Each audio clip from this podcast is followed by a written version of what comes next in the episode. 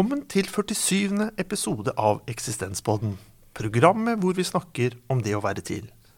Mitt navn er Erling Bærum, og i dag har jeg fått besøk av Camilla Angeltun. Du har blitt anbefalt av en tidligere Eksistenspod-gjest, Ingunn Sten Andersen. Takk for at du ville komme. Takk selv for at jeg ble invitert. Det var veldig hyggelig. Hvordan vil du kort beskrive deg selv? Oi, det er alltid et vanskelig spørsmål å få. Men jeg har jo Det første jeg vil trekke fram, er jo at jeg jobber som lærer. Så jeg er veldig opptatt av læreryrket, og syns det er en av de viktigste yrkene man kan ha. Eh, jeg er også veldig glad i å Jeg har en eh, tømmerhytte i Kongsberg som jeg er veldig opptatt av å reise til. Så den vil jeg trekke frem. Eller så bor jeg i Vestfold. Så jeg bor sammen med en liten katt som jeg er veldig glad i. Og ja, og jobber som, eh, som filosofisk praktiker, da. Litt rundt forbi med forskjellige oppdrag og ja, koser meg med det. Hva er det ved denne tømmerhytta som du syns er så bra? Det er et godt spørsmål. Jeg tror jeg kaller denne tømmerhytta for eh, ladebo. Og det handler om at jeg reiser dit for å lade.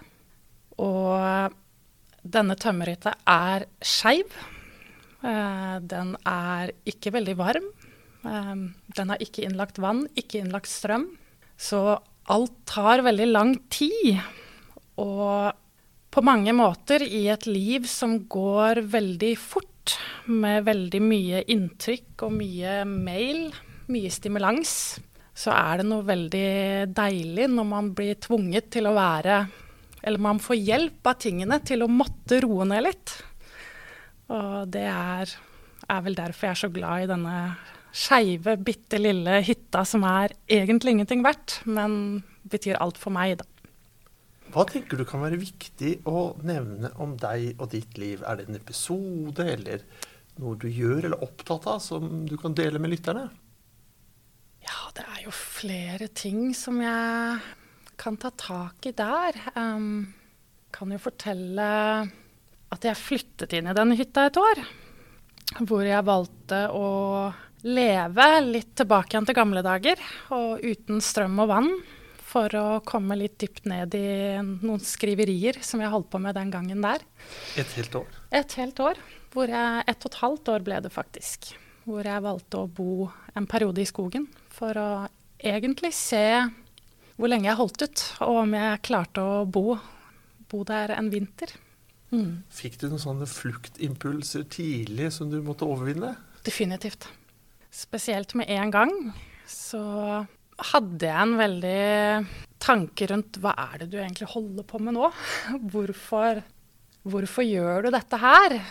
Og jeg måtte jo for å kunne leve på den måten, så måtte jeg jo selge unna litt ting og endre veldig på min livsstil. Så jeg hadde nok en Med en gang så var jeg veldig usikker på om det valget var et godt valg. Men uh, for meg ble det et veldig godt valg å leve, bruke et år av livet mitt da, på å bo i Det er ikke langt inn i skogen, altså. Så, så det er ikke Kiwi er ikke så langt unna. Men som menneske, hva satt du igjen med etter ett og et halvt år i skogen? Jeg satt igjen med en veldig sensitivitet, på godt og vondt. Jeg hadde en tilstedeværelse og en sensitivitet som gjorde at verden ble ganske overveldende og skummel når jeg skulle på en måte ut igjen i den. Mens samtidig så ble jeg også veldig mye mer følsom for sånne små tegn eh, når det kommer til andre mennesker, og når det kommer til kommunikasjon og når det kommer til det arbeidet jeg gjør som lærer, da. Vil du si du vokste på dette ett og et halvt året som menneske? Definitivt. Pluss jeg fikk også øh, jobbet veldig mye. Jeg fikk den Man kan si at mye av grunnen for at jeg gjorde det jeg gjorde, var at jeg lengtet veldig etter en ro. Uh, en stillhet og en ro som jeg fikk der oppe. Og det gjorde at jeg fikk fram noe i meg selv som lengtet veldig etter mennesker og sosial kontakt. Så på en måte den sosiale kom veldig fram i meg, da. Eh, og det var veldig fint å komme ut igjen i verden. Når jeg endelig hadde fått liksom, prøvd ut den drømmen og fått den roen eh, som jeg trengte, da. Ja. Du er også blitt bedt om å velge ut en grunnleggende dimensjon ved det å være til som menneske. Og hva har du valgt som tema for dagens program? Jeg er veldig opptatt av klokskap, rett og slett. Og jeg tenker det er flere ting ved klokskap som jeg er veldig opptatt av, men det er et spørsmål som har fulgt meg i veldig mange år, og det, det er hvordan, hvordan utvikler vi klokskap? Og da spesielt, da, siden jeg jobber som lærer, hvordan kan vi, hvordan kan vi utvikle, eller best tilrettelegge for at unge mennesker utvikler klokskap, da. Eller kanskje dette begrepet livsmestring, som man er så opptatt av nå med de nye læreplanene. Hva legger du i klokskap? For meg så tenker jeg i klokskapen så er det Det er et skjønn. Og jeg kan jo ta et eksempel. Det er en film som handler om Nelson Mandela. Og jeg tror den heter 'Invictus'. Den handler i hvert fall om hans periode, da, når han tok viktige avgjørelser for landet sitt som leder eh, i Sør-Afrika. Og han bestemmer seg da for å være veldig opptatt av en rugbykamp. Eh, og det er en spiller som han da inviterer eh, til sitt kontor og har en samtale med og velger å motivere. Og de, og de rundt han forstår ikke her, Du skal styre et land. Du skal ta masse kloke avgjørelser og beslutninger om økonomi. Og så velger du å være, være opptatt av rugby.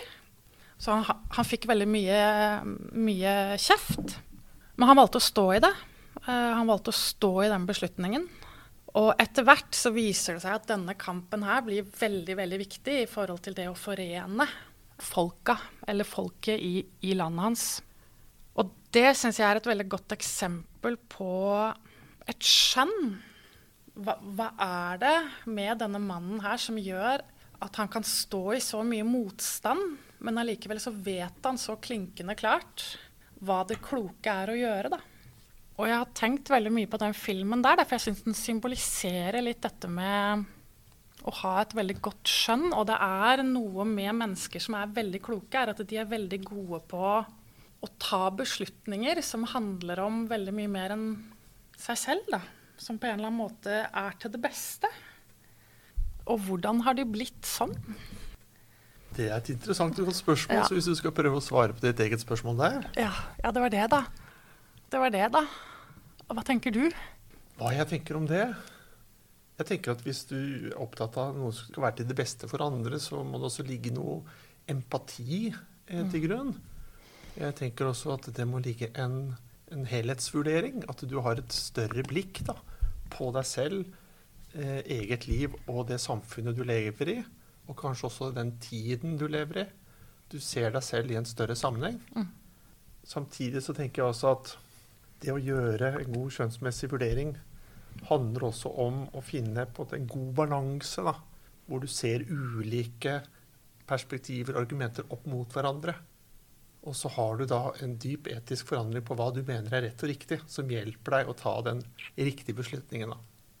Mm. Det var i hvert fall forsøk, sånn umiddelbart. Ja, jeg tenker det, det, jeg sitter og lytter til deg, så tenker jeg, tenker jeg på Aristoteles.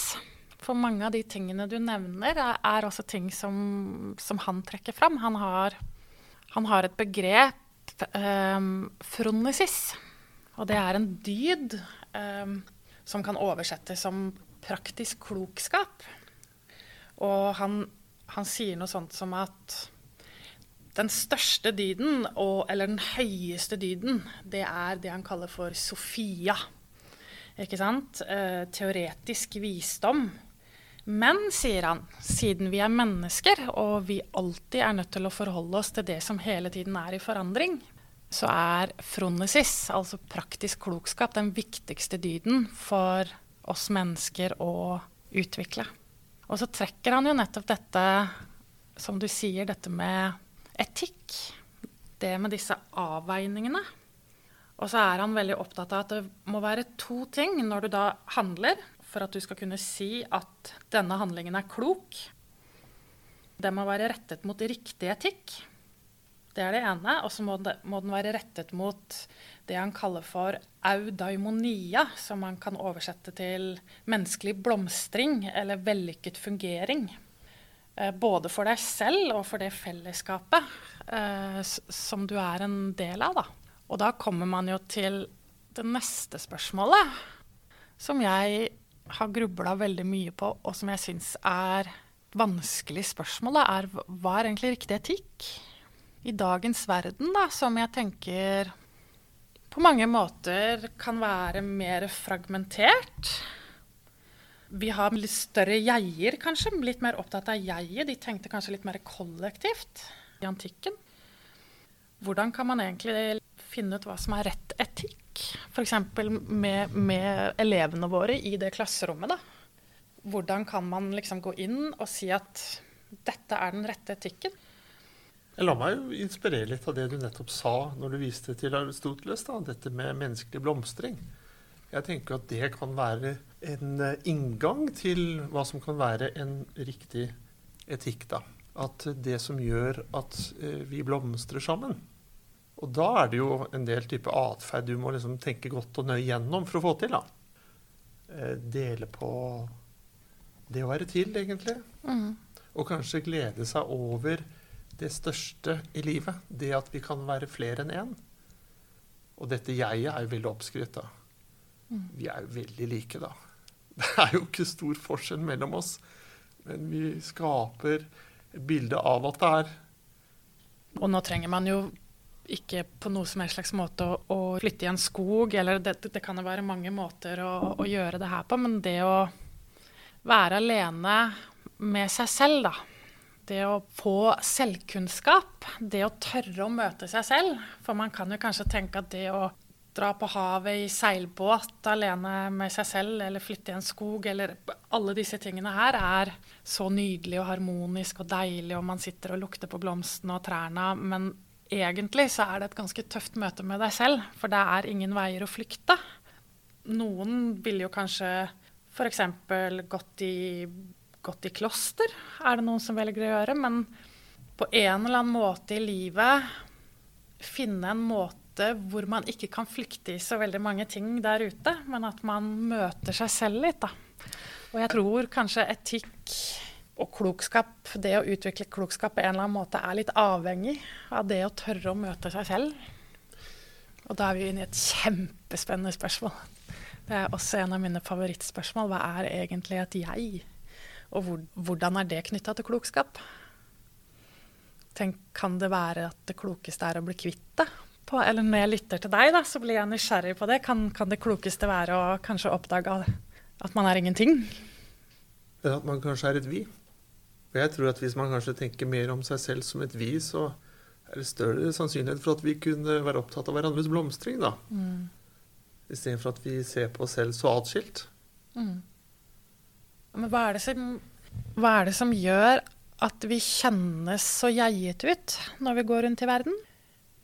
Sånn som når jeg gikk rundt her og skulle møte deg i dag, så var det et jeg som ble sulten og måtte kjøpe meg et lite rundstykke og en, og en kaffekopp. Det var et jeg som tok toget. Det er en følelse der inne av et noe som hele tiden gjør og vil, og hvordan kan det bli ingenting? Hvis vi skal jobbe disse jeiene inn i vi-et, hvilken arbeidsmetode vil, ville du valgt? Jeg tror jeg ville valgt en arbeidsmetode som eh, inkluderte både egne individuelle betraktninger, men også dialogen mellom oss. Man må gå ned på den enkeltes opplevelse av verden, og så må vi sammen undre oss da, hva dette handler om. Og så må vi dele på å definere den verden vi opplever. Og så kan det være en flott, fin område hvor vi ikke vet, eller hvor vi syns ting blir mangelfullt og ufullstendig. Og det syns jeg bare er helt herlig, for det gir rom for tenkning, utvikling og undring. Jeg koser meg veldig nå, skjønner du, når jeg lytter til deg. På grunn av det er også den du nevner dette med, med, dialog.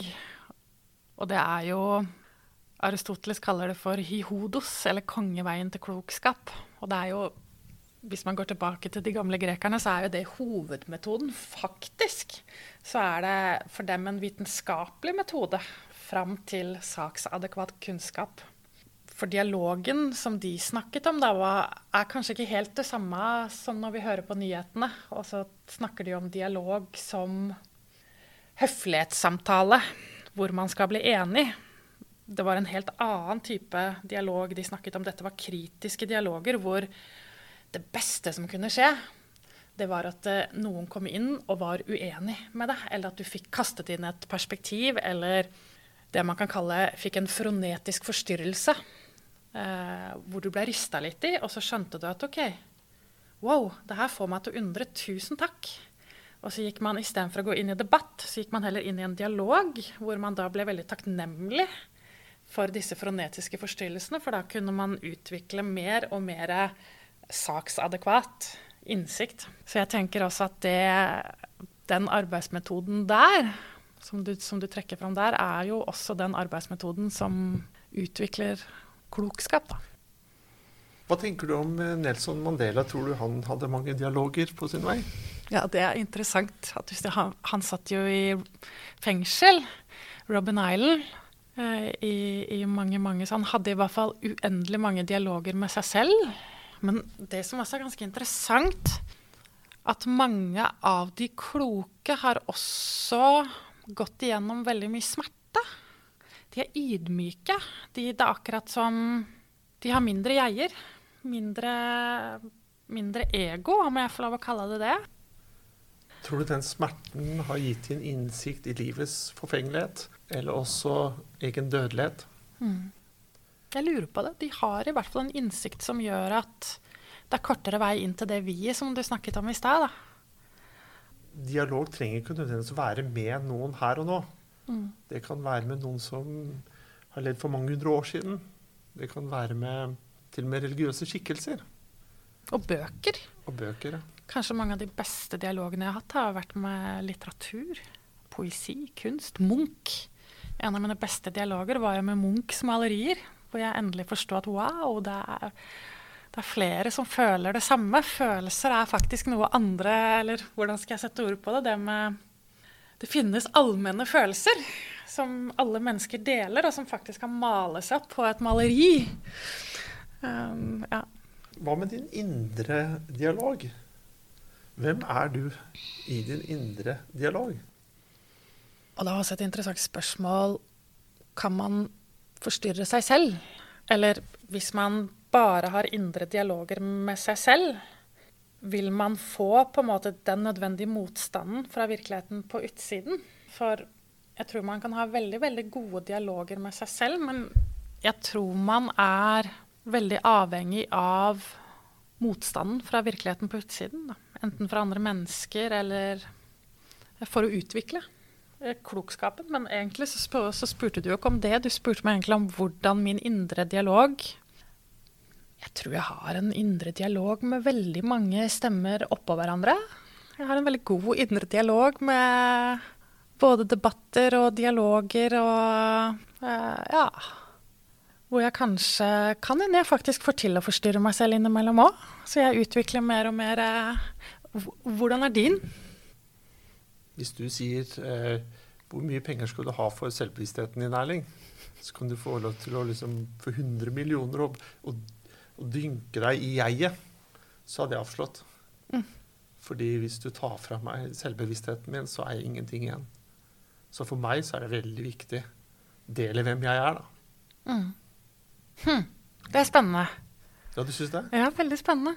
Ja, Den kjenner jeg at jeg må tygge litt på. Hva tenker du om deg selv i forhold til din selvbevissthet og, og ditt selv, da? For meg så oppleves det som at jeg har til sammen kanskje litt tre moduser da, å være i verden på.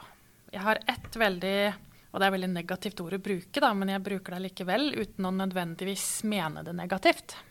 Men et veldig selvsentrert fokus, eller man kan kalle det innafor navlen. Og det er når man er veldig jeg. Jeg skal se på TV, jeg skal spise mat, jeg, jeg, jeg leser. Og da er jeg på en måte veldig innafor navlen. Og så er det et modus, f.eks. hvis telefonen ringer. Så plutselig så er det det der ute som er det viktige, ikke jeget.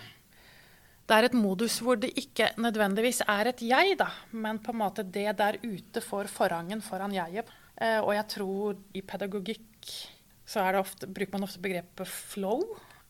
Heidegger, Dasein det, det, det, er mange, Kjært barn har mange navn. Men det er liksom når man mister seg selv i det der ute.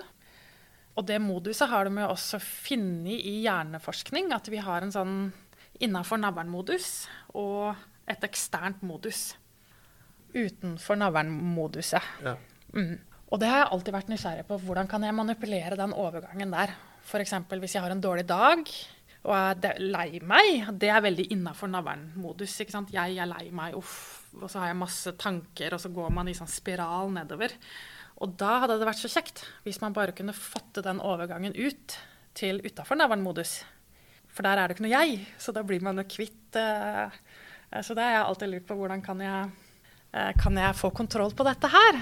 Og buddhisme og forskjellige meditasjonsteknikker jo, er jo opptatt av De kaller det for Eller det eller utafor navlen-moduset kaller de for open awareness. Men så tror jeg at det er et modus til. Ja, det bør, det bør, det være. Hvis ikke så er ikke jeg til. og det må jeg nesten forklare via et eksempel.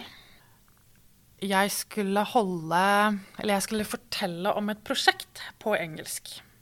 Og jeg snakker ikke så ofte engelsk. Så eh, engelsken min er litt krøkkete, kan du si. Jeg mangler litt ord. Eh, snubler litt i orda. Det gjør jeg for så vidt også på norsk, men på engelsk blir det verre. Kan stamme, stotre litt. Og jeg grua meg. Eh, til at jeg skulle inn og, inn og holde det foredraget på, på, engelsk. Jeg er mer bekvem med å snakke norsk, selv om det kan gå gærent der òg. Og så kom jeg til det punktet, men dette her var et tema som var veldig viktig for meg. Men på mange måter så tror jeg noen ganger at man gjør ting som er viktigere enn deg selv. Og da blir man kobla opp i et eller annet modus hvor ting bare går veldig greit. Plutselig så hadde jeg masse ord. Det rant ut av meg som perler på en snor. Og min kollega ringte meg etterpå og spurte hva som skjedde der, Camilla. Du, du, du snakka jo fantastisk engelsk. Hva, hva, hva, Og jeg måtte bare si vet du hva, jeg vet ikke. Jeg kan jo egentlig ikke snakke engelsk. Så jeg, jeg er rett og slett ikke sikker på hva som skjedde der. Og det er jeg nysgjerrig på om er et slags tredje modus. Hva tenker du om det? Jeg tenker umiddelbart at det må være fjerde modus, med tanke på den litt mer selvbevisste værensformen. da, Hvor du ikke er verken innenfor eller utenfor navlen, og, og, heller ikke på en måte presterer utover egen kapasitet og fatteevne. Ren selvbevissthet, tenkte jeg da. Mm. Men i forhold til dette til beste for uh, de neste, og mm. disse kloke valgene, beslutningene, skjønnsmessige vurderingene, i forhold til disse værenmodusene som du snakker om her, da. Hvor tenker du mm, det er best å være for å kunne gjøre sånne gode beslutninger? Må man være innenfor utenfor navlen, eller flytsonen, eller i en selvbevissthet, eller hva? Jeg tror man må ha de alle. For jeg tror også innafor navlen-moduset tror jeg er et veldig viktig modus. For det er på en måte der man blir kjent med seg selv, og jeg tror man må innover for å komme utover, på en måte. Eh, så det innafor navlen-moduset er også et veldig Og jeg brukte ordet selvsentrert, så det høres ut som det på en måte er et negativt modus, men, men, men det er det ikke. Det er et uunngåelig modus, et modus vi må ha for å navigere i verden. Og det flow-moduset tror jeg også er veldig viktig, og jeg tror det er ekstremt viktig å følge med på flow-moduset. Og alle de, i alle de momentene hvor man mister tid og sted. Hvor på en måte man ikke har noe jeg, det man bare gjør. Og man er i flow, så tror jeg det er ekstremt viktig å gå inn i det selvsentrerte moduset etterpå og, og gruble på hva var det egentlig som skjedde. Hva var det som var til stede i det øyeblikket som gjorde at jeg gikk inn i flow? Og kan jeg generere mer av det? Kan jeg gjøre mer av det? For jeg tror der ligger talentet ditt. Da. Eller der ligger veldig mye viktig i forhold til hvem du er. Og ikke minst også hvis noen, noen av våre lyttere kan finne ut av hvordan man kan manipulere overgangene mellom innafor-navlen og utafor-navlen, så, så, vil jeg veldig gjerne vite det. For det også kunne jeg godt tenkt meg å, Og også det tredje moduset, da, som kanskje er det moduset som jeg forstår minst. Det er bare en sånn erfaring som jeg merker i noen situasjoner at det er et modus til. Jeg forstår det ikke. Jeg syns det er vanskelig å beskrive det, men jeg bare merker at det er noe. Det er et eller annet. Har du andre eksempler på når du opplevde det? Ja, når jeg skrev min masteroppgave, eh, så begynte fristen å nærme seg, og det kom ingenting. Jeg fikk ikke noe, jeg fikk ikke noe ord ut. Og fristen begynte å nærme, nærme seg, og jeg ble mer og mer stressa. Og så plutselig, en dag, så fikk jeg et stikkord. Og da skrev jeg 50 sider i løpet av et døgn. Og da var mesteparten, eller mye av meg Selvfølgelig, jeg måtte jo fineste Det var jo ikke vakkert skrevet ned. språket var jo ikke godt, men mesteparten av det jeg skulle ha med, var på en måte skrevet i løpet av veldig kort tid. Og da også opplevde jeg at OK, nå, nå Jeg opplevde ikke at det var et jeg som skrev. Jeg opplevde at på en måte bare det, det kom. Uten at jeg Ja, nå høres jeg nesten religiøs ut her, altså. Det er egentlig ikke sånn ment, men ja, det, det er bare en erfaring jeg ikke forstår. Har du, ing, har du, ingen opplevelser? Hvis du tenker etter, har du noen hvor du liksom har Ting bare uff, har gått av seg selv? Jeg vet ikke, jeg har aldri hatt det perspektivet på Nei. meg selv. Syns du det høres rart ut? Nei, jeg syns ikke det. Jeg bare tror personlig så er jeg veldig selvbevisst. Mm. Så det er liksom ikke så veldig mye som overrasker meg mm. på hva jeg gjør, om det er bra eller dårlig. Og så blir jeg kanskje mer opptatt av min selvbevissthet mer enn hva jeg gjør og hvordan jeg gjør ting. Jeg vet ikke om det er noe svar, men jeg tror også vi må inn på dette med livssyn, menneskesyn. Mm. At du nevnte selv også dette her med de, noen av de kloke menneskene som du viste til, sannsynligvis har gått gjennom noen tunge mm. erfaringer som har skapt noen dype erkjennelser da, ja, det er spennende. I, i livet. Som så har preget eh, livssynet og menneskesynet. Og jeg vil si preget på den måten at de kanskje har utvidet det. Og så vil jeg kanskje trekke inn denne moduset som du syns er litt sånn vanskelig å få tak i og gripe, som du har selv erfart noen ganger. da. At man kommer inn i et modus hvor man går utover seg selv da, og, og tenker utover seg selv. Kanskje det er det noen av de store tenkerne får til. da. De slutter å tenke som individer, og så tenker de som, som mm. menneskehet. Og det er jo egentlig hva audaimonia er. Kanskje audaimonia også er et modus at audaimonia betyr ikke nødvendigvis at jeg blir lykkelig, men det betyr at man er fylt opp av å gjøre det beste for seg selv og alt, alt det man er en del av. Fra mitt ståsted så mm. tenker jeg det, det handler jo om en vi-erkjennelse mer enn en jeg-erkjennelse. Jeg er enig. En identitet da, som går utover deg selv. Mm. Og ikke bare til dine likesinnede eller likeartede men som går over til det være seg alle mennesker, men kanskje også natur, til dyr. Ha en bredere forståelse av hva det vil si å være i besittelse av den livskraften som vi, vi har i oss, og som vi er bærere av. Mm, livskraft. Det syns jeg var veldig, veldig godt ord. Livskraften. For Aristoteles setter jo den avveiningen som ligger, eller dette skjønnet som ligger hos den kloke, opp imot rett etikk. Og da snakker jo han om kardinaldydene. Og i stad så snakket vi om motet. Og det å kunne være For det å tørre å være sårbar, det handler om å være modig. Og så snakker han om måtehold. Og jeg liker ofte å tenke liksom balanse. Jeg syns det er et godt ord. Og det har vi også vært inne på. Og så snakker han om eh, rettferdighet. Har, vi, det har, vi, kanskje ikke vært inne på, men vi har vært, vi har vært inne på i hvert fall Jeg opplever at vi var innom rettferdighet med tanke på det å dele på ja. eh, både sannhet, dele på taletid og dele på oppmerksomhet. Vi var der òg. Og nettopp så snakket vi dette her om å se seg som et vi, ikke bare i forhold til likesinnede, mm. men også de som er forskjellige fra deg. Ikke bare som menneske, men kanskje som vesen. Mm. En sånn grunnleggende respekt for alt levende. Det ligger litt rettferdighet i det òg. Det er rart at vår samtale havner litt tilbake igjen til dydene. Og den siste er jo visdom, som vi også har vært inne på. Men jeg har lyst til å gi de nye ord. For jeg likte så godt når du sa vi-identitet og det å være kobla på livskraften. de gamle, gode kardinaldydene trenger å bli satt inn i vår tid og bli nyforstått, eller bli forstått igjen med våre ord. Og det er en fin oppfordring til lytterne om å, å gå den veien videre. Ja. Vi er på slutten av dagens samtale. Jeg pleier også da å spørre om du har noen eh, tips eller råd til lyttere som gjerne ønsker å bli enda klokere og forbedre sine skjønnsmessige vurderinger ytterligere. Det er idet vi er sårbare og faktisk eh, tabber oss ut. Det er da vi utvikler klokskapen best, ifølge Aristoteles. Og der tror jeg han har rett. Har du også noen visdomsord du kan dele til slutt? Noe som du har møtt på din vei som har betydd noe for deg? Jeg lurer på om jeg har lyst til å gi litt ære til min, eh, til min gode, gode lærer i filosofisk praksis. Og han var veldig glad i fotball.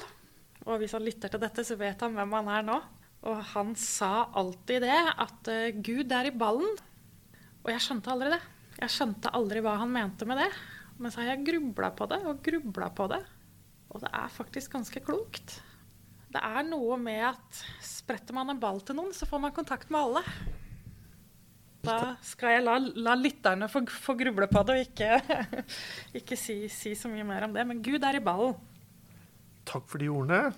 Da takker jeg deg for samtalen. Takk også til deg som lytter for å ha fulgt oss denne gang. Vi høres igjen, og inntil da, ha det bedre enn bra.